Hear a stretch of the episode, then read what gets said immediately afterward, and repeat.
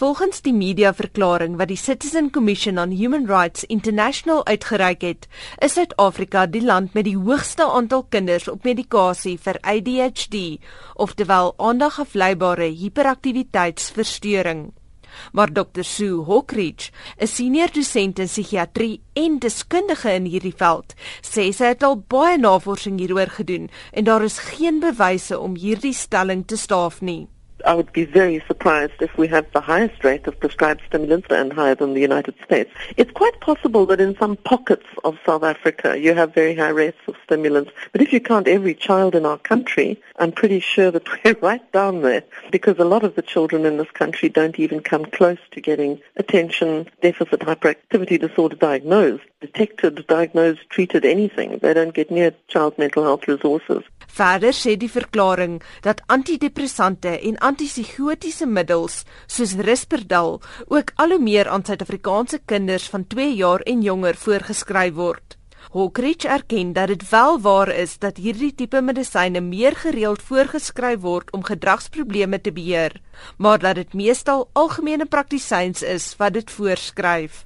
But the statement here that South Africa shows antidepressants being prescribed to children aged two and younger, I tracked that down to the master's thesis by a pharmacy student at Northwest University who studied about a quarter of a million scripts for antidepressants. And of those, he found nine for children under the age of two. All of those were prescribed by general practitioners. Seven of them were for tricyclic antidepressants, which is not in that age group presumably used for depression. It might have been for sleep disturbance, but nine GP scripts out of a quarter of a million doesn't necessarily suggest to me that this is a dangerous trend. Volgens Hawkridge word depressie nie oor die algemeen by kinders jonger as 2 gediagnoseer nie en indien dit wel gebeur, beveel psigiaters nie antidepressante aan om dit te behandel nie. Hulle het ander behandelingsmetodes hiervoor. Indien dit wel gebeur, vra Hawkridge dat ouers as fluitjieblassers optree. Almost every province has a child and adolescent psychiatry unit at tertiary level. Free State, Northern Cape, Western Cape. Eastern Cape struggling a little bit, but there are people at Fort England Hospital and at Donkin Hospital who can help. KwaZulu-Natal, Gauteng and Limpopo have got child and adolescent psychiatry units. And Pumalanga and Northwest may have to make use of Gauteng's resources.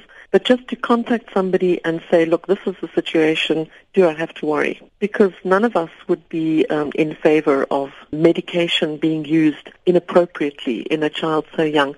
Hoekriech beklemtoon dat daar wel kinders is wat hierdie tipe medisyne nodig het, maar dit is kinders wat aan ernstige neurologiese steurnisse ly, onder meer epilepsie en laatontwikkelingssindroom, maar dat 'n pediater hieroor geraadpleeg moet word. Intussen vra die Citizen Commission on Human Rights dat ouers vorms moet aflaai en moet weier dat opvoedkundige sielkundiges en psigiaters hulle kinders vir psigiese steurnisse toets. Dit bekommer Hockridge. Parents need to be aware that a press release such as this is not necessarily based on scientific information. While it looks as though it's got a lot of scientific references, if you track down the references, you'll find that there's not a lot of science underpinning the opinions, and that's what they are, which have been put forward in this flyer. You know, they're not encouraging people to avoid medication. They're telling people not to have their children screened. And I'm not sure that that's not throwing the baby out with the bathwater. I can understand that people may have issues around psychotropic medication for children, but to expand that to a general prohibition on anybody trying to assess my child's mental health difficulties is probably harming children. Dit was Dr. Sue Hockridge, 'n senior dosent in psigiatrie by die Universiteit van Stellenbosch, en ek is Anne Marie Jansen van Vuren vir SABC nuus.